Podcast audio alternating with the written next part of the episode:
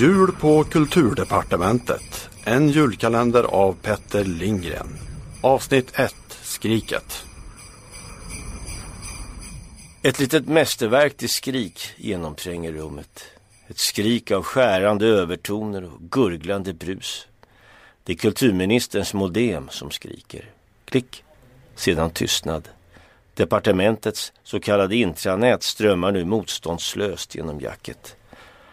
Jag sätter mig en stund vid ministerns skrivbord som tycks mig ha givits exakt rätt proportioner för att infånga och kvarhålla den sorts tillförsikt som följer på ett väl utfört arbete. Den tunga stämpeln står på sin plats, blank i handtaget och liksom väntande på att få tas i bruk. Jag ser att hennes kopp med påskriften Bonjour Tristesse har blivit kvar på bordet efter gårdagens samtal med översättarsektionen inom Sveriges författarförbund. Jag häller ut den kvarvarande slatten i monstran vid fönstret. Regnskogsväxter behöver syra och humus. Till morgonrutinen hör också att bära in dagens tidningar.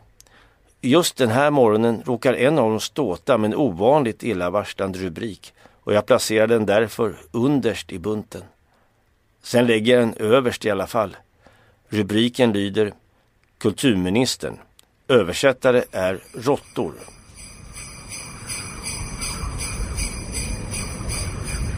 Avsnitt 2. Kaffe och demoner. Jag vet förstås inte hur länge det dröjer innan kulturministern kommer tillbaka till arbetet. Eller om hon ens kommer tillbaka. I morse fann jag en liten papperslapp instucken i kontorets nyckelhål. Kära Petter. Jag mår inte bra och reser till mamma i Västerhaninge på ett tag. Jag har stuffat in burkarna med Afrikakaffe i städskrubben. Drick så mycket du vill. Det är ändå ingen här på departementet som vill köpa det. Din Marita. Jag ska inte sticka under stol med att mycket har gått snett den senaste tiden. De där nedlagda kulturinstituten framstår ju som en blek morgonfjärt i jämförelse med det som skulle komma. Ja, inte konstigt att kulturministern svajar. Ja, men nu gäller det att släppa demonerna och hålla sig till kartan. Jag sätter mig vid faciten och börjar hamra på ett uttalande.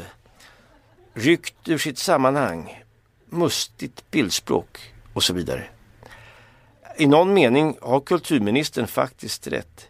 Genetiskt sett är ju skillnaden mellan en råtta och en översättare minimal.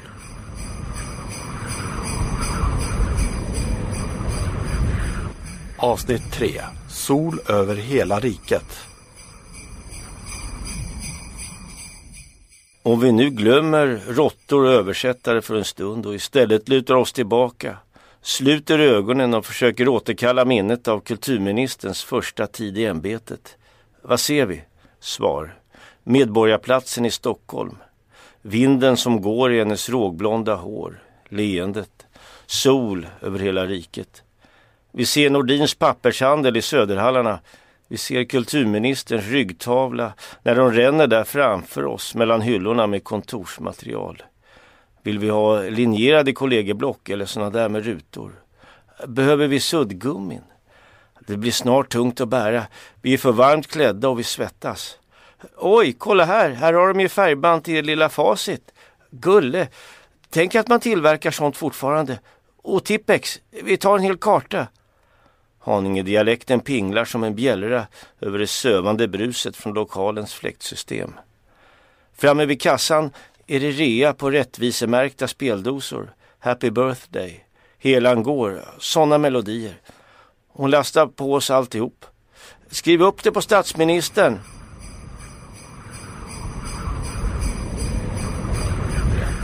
Avsnitt 4. Ett typografiskt haveri. Så var det friskt på väg.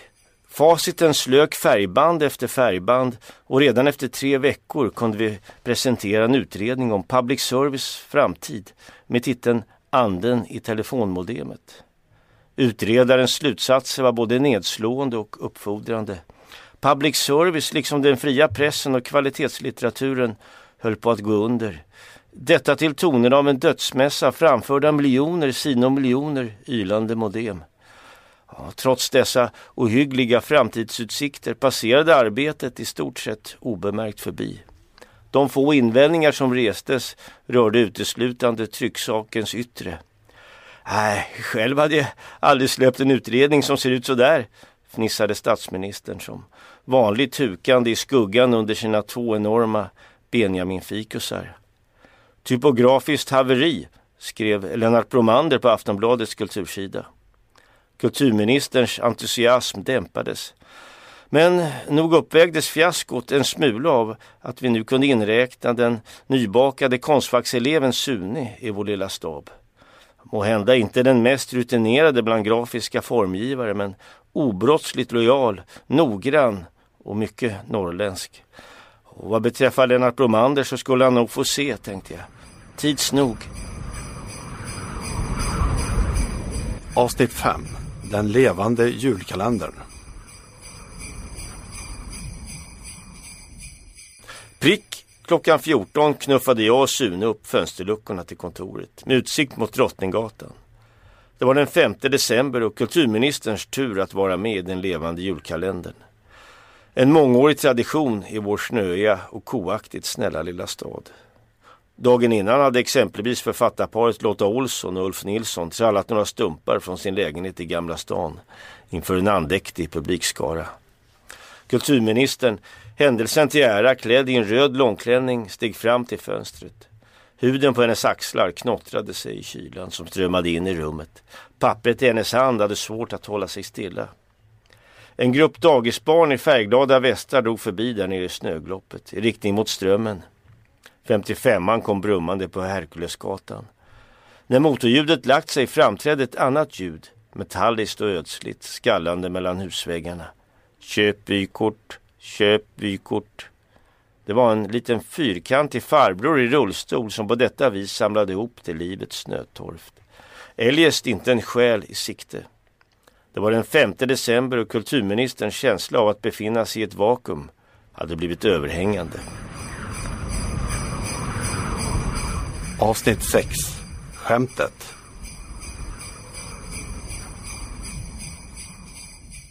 Vi måste för fan hitta på något snart, stönade kulturministern. Brainstorm, nu! Jag riggade faciten och beväpnade mig med en kopp Afrikakaffe. Sune slog sig ner under monstren. Kunde vi inte göra någon sån där internationell grej med poesi och Unesco och så? Kulturministern. Men, men var inte så jävla beige människa. Sune. Men kvalitetslitteraturen då? Som han utredaren skrev om. Kunde vi inte rädda han på något vis? Kulturministern. Ja tjena, vi stänger ner hundra kulturinstitut till. För dyrt. Sune. Ja, inte vet jag. Men om vi som lägger skatt på de som inte läser eller på de som inte läser det vi räddar. Det ska som kosta att inte läsa. Kulturministern. Eh, stopp, eh, ta det där sista en gång till. Sune. Äsch, inte var det något annat än ett skämt. Kulturministern blev sittande med frånvarande blick. Sedan reste hon sig, störtade fram till fönstret, slet upp det och skrek för full hals. Det ska kosta att inte läsa! Ingen av de förbipasserande tycktes ta notis om utspelet. Förutom en man i tomtedräkt som tog och tryckte i en port mittemot. Tomtegubben tog upp ett litet block ur sin ficka och skrev något i det. Avsnitt 7. En ekonomisk piska. Sunes förslag var i sanning genialt. Att beskatta obildning, eller snarare oviljan till bildning, kunde i själva verket säljas in till oppositionen som en skattelättnad. Mindre skatt för den som läser, punkt. Till och med RU, rättvisemärkta ultrahögern, borde tilltalas av förslaget som ju tillhandahöll en utmärkt ekonomisk piska för den som ville rädda exempelvis Pelle Nävers minne till eftervärlden. Låt säga att varje medborgare stacks till tio verk per månad att genomtränga, allt efter förmåga, i skilda genrer och tonlägen, poesi, romaner, filosofi, rubbet. Snacka om folkbildning. ABF kunde slängas i väggen, liksom Fibs Luriklubb. Vi kommer att bli en litterär stormakt, menade kulturministern. Själv grubblade jag över de tekniska och logistiska problem vi stod inför. Min hjärna hemsöktes av ord som distribution, återkoppling och försummelseavgift. Hur skulle Skatteverket få reda på vem som läste vad? Hur skulle vi identifiera fuskare? Föga anade jag att lösningen på dessa problem var nära förestående. Avsnitt 8. Strutkillen gör entré. När jag följande morgon öppnade dörren för att stiga in på kontoret slank en underlig figur förbi under min arm. Hans utseende gjorde mig konfunderad. Hade jag inte sett honom förut? Snubben nådde mig bara till midjan men den ringa kroppslängden kompenserades av en svart pappstrut som han bar på sitt äggformade huvud. I övrigt var han iförd en gul overall med svart filtkrage. Kulturministern var redan på plats. Ja, så bra att du kunde komma Tauno, slå dig ner. Också jag ombads att sätta mig vid ministerns skrivbord. Och strutkillen, eller Tauno då, hivade upp en tygpåse och tömde ut dess innehåll på bordet. Här ska du få se på grejer, med kulturministern. Jag betraktade den eländiga skrothögen framför mig. Överst låg något som såg ut som en förkrympt tv-skärm. Men det mest uppseendeväckande föremålet var ett litet docköga med en myriad tunna sladdar baktill på synnervens plats. Jag rös. Ja, det där är alltså linsen som ska registrera läsarens ögonrörelser, förklarade Tauno. Han kastade en blick mot min facit. Du har inte funderat på att regulera valsen på den där? Avsnitt 9. I skuggan av Benjamin-fikusar. Det kulturministern och strutkillen hade kokat ihop överträffade mina vildaste distributionsfantasier. Högen med skrot på skrivbordet visade sig vara inget mindre än delarna till en helt ny sorts plattform. Bok, tv och telefon i samma hamn med inbyggd hotline till bibliotekstjänst och Skatteverkets inläsningscentral i Falun. Till och med statsministern var imponerad, även om hon först verkade brydd över uppgifterna på strutkillens visitkort. Facit i Åtvidaberg? Eh, men, men har inte Facit gått i konkurs? Eh, bara på ytan, om man säger så. Han tog sig åt struten och snörvlade till. Eh, äh, jag håller fortfarande på i alla fall. Statsministern fingrade på det elektroniska lilla dockögat. Hennes rektangulära glasögon blänkte mot oss i dunklet under de två Benjamin-fikusarna. Så ni har alltså inget namn på apparaten? Inte ännu. Vad skulle ni säga, ah, eller vad tror ni? Eller ja, Svensk folkmobil, skulle inte det kunna vara något? Svensk folkmobil, hmm. Statsministern föreföll nöjd och vi lämnade henne i den sinnesstämningen. Avsnitt 10. Forskning och framsteg. För strutkillen var det cool att hänga på kontoret medan jag och kulturministern drog till stadshuset på bal. Och vad kunde väl vara mera givande än ett samtal om svensk folkmobils formspråk med en nybakad konstfackselev som bollplank. Denne, alltså Sune, verkade mindre road. Jag vet inte, grön hammarlack, är du säker? Minnet av kvällen i Blå hallen är diffust. Men jag minns ändå någon sorts brun rök och i denna rök en trippande liten polsk tant, skrynklig som ett russin. Det var årets litteraturpristagare. Eftersom vi inte kunde ett ord polska hakade vi på tantens översättare istället, Anders Bodegård. Vi dunkade honom i ryggen. Vilken jävla grej hörru! Översättaren var emellertid långt ifrån lika fryntlig som han såg ut. Äh, snart är det slut för oss. Kolla här bara. Han viftade med det senaste numret av Forskning och framsteg. Datoröversättning sparar pengar, stod det på tidskriftens framsida. Ja, numera kan ju vem som helst bli översättare, snyftade han. Vem som helst. Vid dessa ord gick det som en stöt genom kulturministern. Hon vinglade till och bad mig ringa en taxi. Avsnitt 11. Kamp Bodegård. När vi ramlade in på kontoret visade det sig att Sune hade somnat under monstren. Strutkillen hukade ännu över ritbordet med en kopp Afrikakaffe i högsta hugg. Hej hopp! Kulturministern kastade åt mig faciten. Samhällets olycksbarn, de arbetslösa och de språksvaga, började hon. Kronvraken, flyktingarna, alla dessa jävla KBT-terapeuter. Vi skolar om dem till översättare, ja, hela bunten. Jag knattrade och vagnreturade så hårt att Sune vaknade till. Men tänk om de inte vill, muttrade han grynigt. Jo då, de vill, fnös kulturministern. Och så lär de sig skriva ihop också. Verksamheten kunde med fördel inhysas i de tomma vapenfribarackerna i Bagartorp, menade hon. Med 10 000 översättare i drift borde vi få en genomströmning på bortåt 100 miljoner tecken höglitterär text per dag. Från alla epoker och världsdelar. Ja, pang bom, rätt ner i folkmobilen bara. Av alla efter förmåga till, eh, ja, alla. Men vi behövde förstås en namnkunnig capo. Jag ringer Anders Bodegård på stört. Jag tänkte att hon nog borde ringa översättarsektionen inom Sveriges författarförbund också. Men jag sa det inte. Jag knattrade på. Avsnitt 12. Barder och bakrus. Jag vaknade med ett ryck och med en skärande huvudvärk.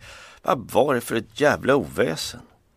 Sen förstod jag. Shit, strutkillen hade verkligen jobbat på under natten. Källan till ljudet var inget mindre än det första exemplaret av Svensk Folkmobil. Förläggareföreningens Fasa, bokskottens baneman. Med talfunktionen påslagen och Pelle Näver på max. Sitta Magnus i Pungavränga, det var allt en skidig gubbe det. Vilken pjäs. Bara 2200 gram gastade strutkillen över larmet. Ja, helt handlöd och med fina gamla rör från telefunken i slutsteget. New Old Stock, som vi säger i branschen. Också kulturministern, ännu iförd gårdagskvällens festblåsa och tydligt märkt av nattens aktivitet, hade vaknat av poesin. Hon såg ut som Frankensteins brud. Hon tog några stapplande steg mot apparaten vars gulvita tangenter var av samma slag som på faciten. Dockögat stirrade mot henne ur frontpanelen i grön hammarlack. Det sökte kontakt. Eh, sedan kräktes hon i monstren. Avsnitt 13. Glögg, strutar och videoband. Det var ju bussigt att någon hade åbäkat sig med att rulla upp den fyrkantiga vykortsförsäljaren från gatan. Så att denne fick glädjen att övervara departementets Lucia-tåg. Eljest var hela kulturutskottet på plats, liksom diverse typer från Riksbankens jubileumsfond och liknande. Luften var tjocka, förväntan och glögg. Så slogs dörren till kontoret upp och kulturministern skred ut, behagfullt knäande med ett ben i taget på luciårsvis. Hon såg verkligen strålande ut. Efter henne följde Sune, pepparkaksgubbe. Och sedan kom strutkillen iförd sin reguljära mundering. En natural born stjärngosse så att säga. Och vilken sångröst han hade. Själv hade jag givit mig uppdraget att föreviga händelsen på VHS. Jag lät kameran panorera över resten av tåget, bestående av mestadels tärnor och stjärngossar ur departementets personalstyrka. Längst bak trippade en liten tomte som tilldrog sig min uppmärksamhet genom att till synes okontrollerat skaka i hela kroppen. När tomten passerade framför mig blev det uppenbart att den i själva verket fnissade. Det var ett torrt litet fniss, illa rimmande med den stelt stirrande masken. Avsnitt 14. Presskonferensen. Det hade blivit dags för Svensk Folkmobil att möta offentligheten. Strutkillen inledde med ett torrt anförande om apparatens sinnrika lins. Avsedd att länka läsarens ögonrörelser till Skatteverket. Sen tog kulturministern till orda. Svensk Folkmobil skulle inte bara, menade hon, ge tusentals jobb i Facits fabriker. Vid dessa ord tog strutkillen några underliga danssteg på podiet. Utan också, och med hjälp av Kamp Odegård, väsentligt styra om inflödet av översatt skönlitteratur. Så att vi i fortsättningen slapp alla dessa prosalångtradare från USA och istället kunde fördjupa oss i mindre lönsam litteratur med större djupverkan från världens alla hörn. Men framförallt, underströk hon, skulle svensk folkmobil bidra till jämlikhet. Hux flux skulle inte bara flyktingarna och kåkfararna finna sig inlemmade i rikets litterära överbyggnad utan också hela arbetarklassen. Likväl som den tennislismande medelklassen och den skatteblyga överklassen. Aldrig förr avslutade kulturministern. Till synes nöjd över att se dryga dussinet murvelglasögon blänka mot sig i mörkret. Har det varit så lätt att tvinga så många till stilistisk sensitivitet? Avsnitt 15. Musans hallick. Att sticka till murvlarna varsin presentpåse innehållande en rättvisemärkt speldosa från Nordins pappershandel hade uppenbarligen ringa effekt. Idioti, gnällde Johan Kroneman i Dagens Nyheter. Först DAB-radion och nu detta. Också Sune fick sig en släng av sleven. Folkmobilens formspråk ansågs groteskt och bakåtsträvande. Ja, inte fan var det min idé där med grön hammarlack, surade han. Strutkillen föreföll dock till freds och att från vänsterhåll Bromander beslås med epitetet Musans hallick verkade snarast göra honom upprymd. Telefonen gick varm.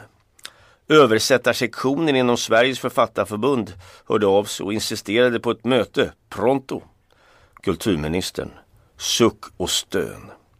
Inte heller Anders Bodegård verkade med på noterna. Åtminstone inte vad beträffar Kamp Bodegård i Bagartorp. Kulturministern himlade med ögonen och höll demonstrativt upp luren. Vadå, Pratade in på min telefonsvarare? Är det helt pantade? Ser ut som en jävla studierektor kanske? Sune, lågt med blicken ner i sitt Afrikakaffe. Nå, inte riktigt, men kanske ändå något lite åt det hållet. Avsnitt 16. Översättare på offensiven. Arbetsdagen därpå inleddes av en serie hårda knackningar på kontorets dörr. När Sune öppnade ramlade en hög med kroppar in över golvet. Vem kunde ana att det fanns så många översättare? Den sprattlande högen kom snart på fötter och fördelade sig sedan med en förfärande hastighet över hela kontoret. En av översättarna dök huvudstupa rätt ner i kulturministerns papperskorg och en annan for under vilda skrik in i den dammiga sladdhärvan under skrivbordet. Det nya minimihonoraret är 93,51 kronor. Detta per tusen tecken inklusive blanksteg, pep en tredje ur monstrans bladverk. Deras ledare, en ovanligt kraftigt byggd översättare med en enorm miniräknare i en kedja runt sin hals, trädde fram till kulturministern. Hans svenska var förvånande stel och omodern. Så fram till icke-viljen låta edra datoriserade äfflingar förråda oss. Vilket är icke-viljen, det kan jag lova. Så kommer edra förehavanden i Bagartorp att kosta... Hmm. Han fipplade på miniräknaren, vände på den och höll upp den så att kulturministern kunde se beloppet i displayen. Hon bleknade.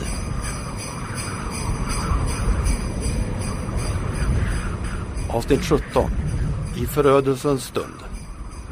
100 miljoner i veckan, eller 5,2 miljarder per år. Så mycket skulle det alltså kosta att arvodera Kamp Bodegårds datoriserade amatörer. Detta enligt översättarsektionens omänskliga tariff. Med socialavgifter, semesterersättning och 6% moms skulle beloppet med råge överstiga hela kulturbudgeten. Kulturministern grät. Kanske kunde en kopp Afrikakaffe hjälpa i denna svåra stund. Vi drack vårt kaffe och blickade ut över förödelsen som översättaren hade lämnat efter sig. Faciten var nerkläddad med Tippex och typarmarna hade trasslat sig på ett deprimerande vis. Överallt låg suddgummismulor, pappersskräp och monsterablad. Och mitt på golvet låg porträttet av Pellegrino Turri, karbonpapprets fader, med ramen bräckt och glaset i bitar. De har ju för fan varit överallt, hulkade kulturministern. Vilka jävla råttor! Vi avbröts i vårt sörplande av ett torrt fnissande ljud från gardinen.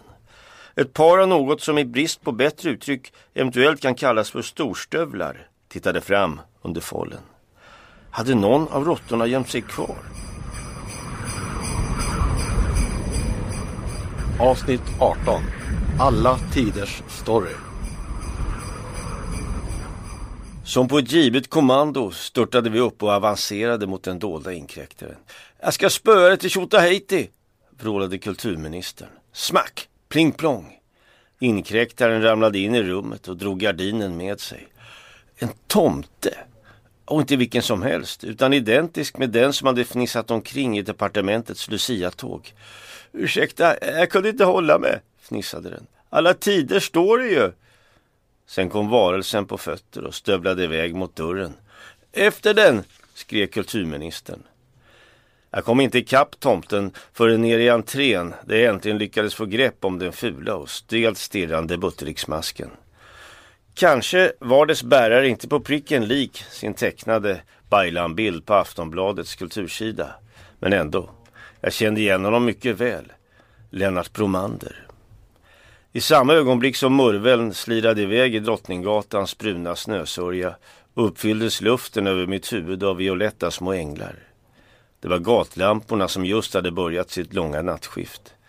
En metallisk röst ekade mellan husväggarna. Köp vykort, köp vykort. Avsnitt 19. Gula Bländ och extraval. När jag återvände till kontoret var statsministern på plats.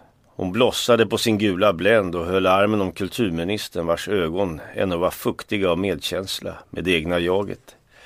Jag visade dem tomtemasken och redogjorde för den vilda murveljakten genom departementets korridorer.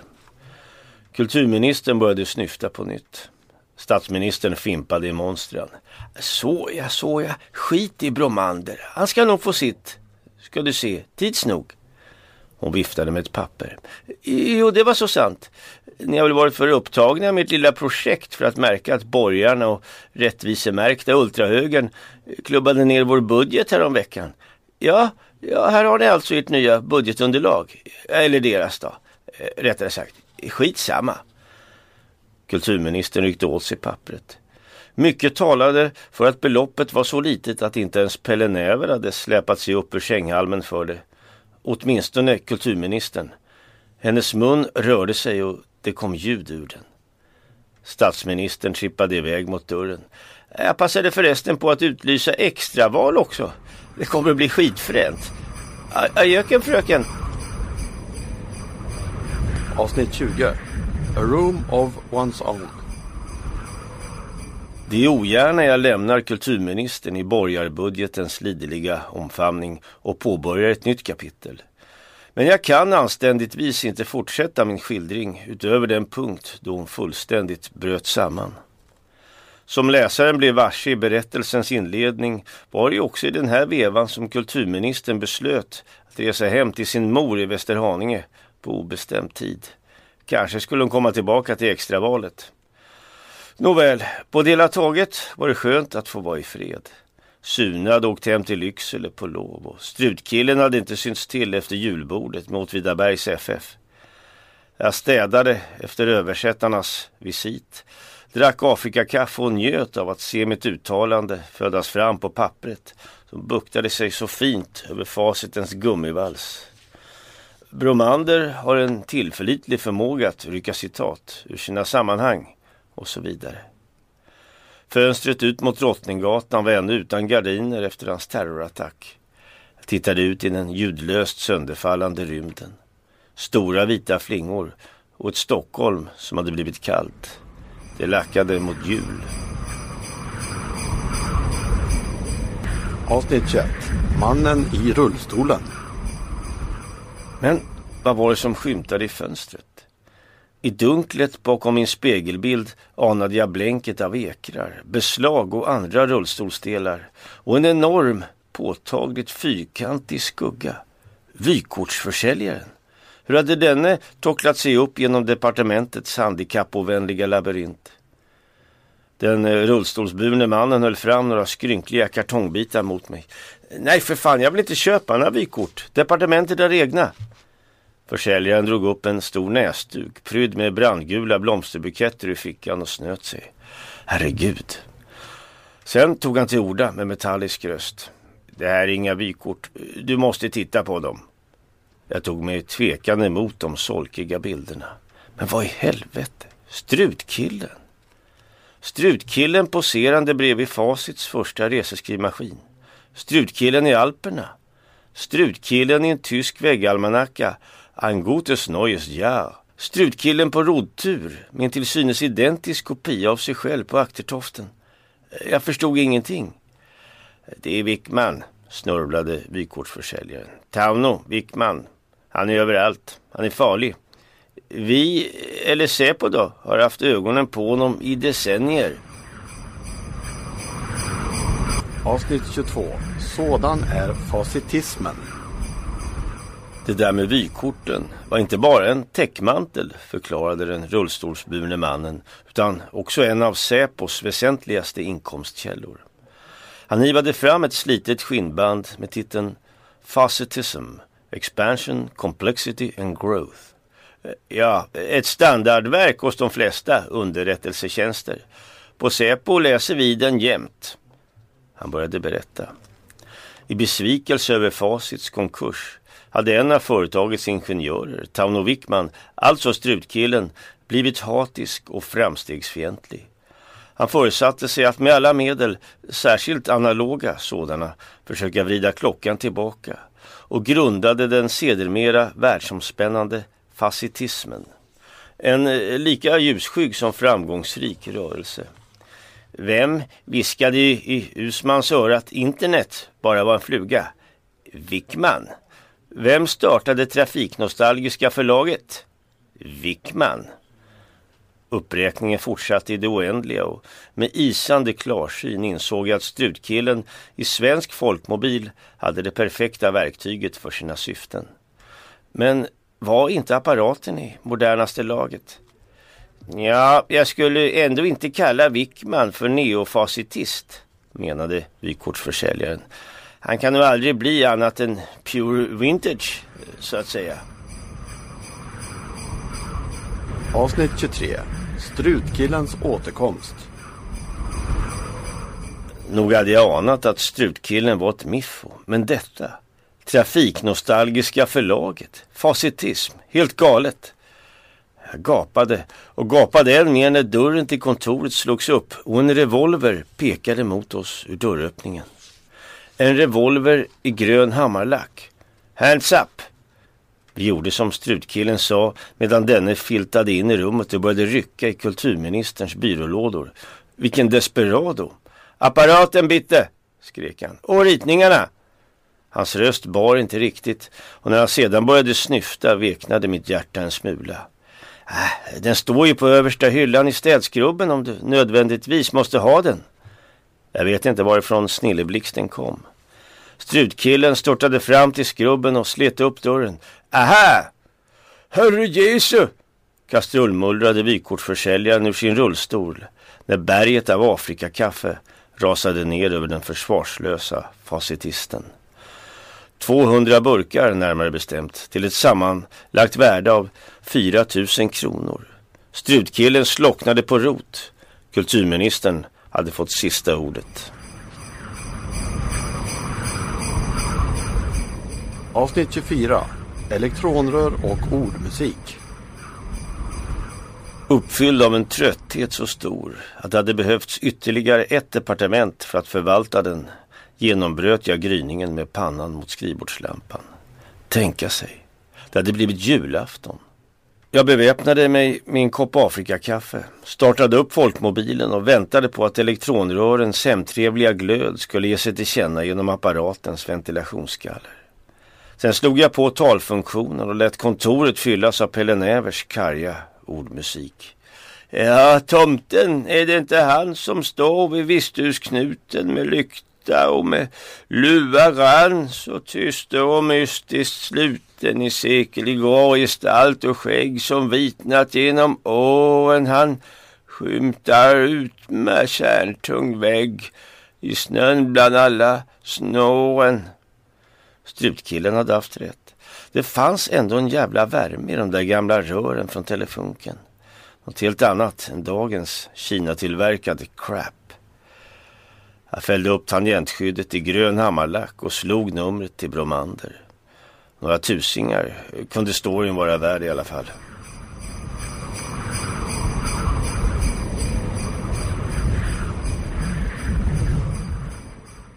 Du har hört Jul på Kulturdepartementet, en julkalender skriven och inläst av Petter Lindgren för Aftonbladet Kultur. Avsnittspresentatör Lukas Hansson och producent Patrik Syk.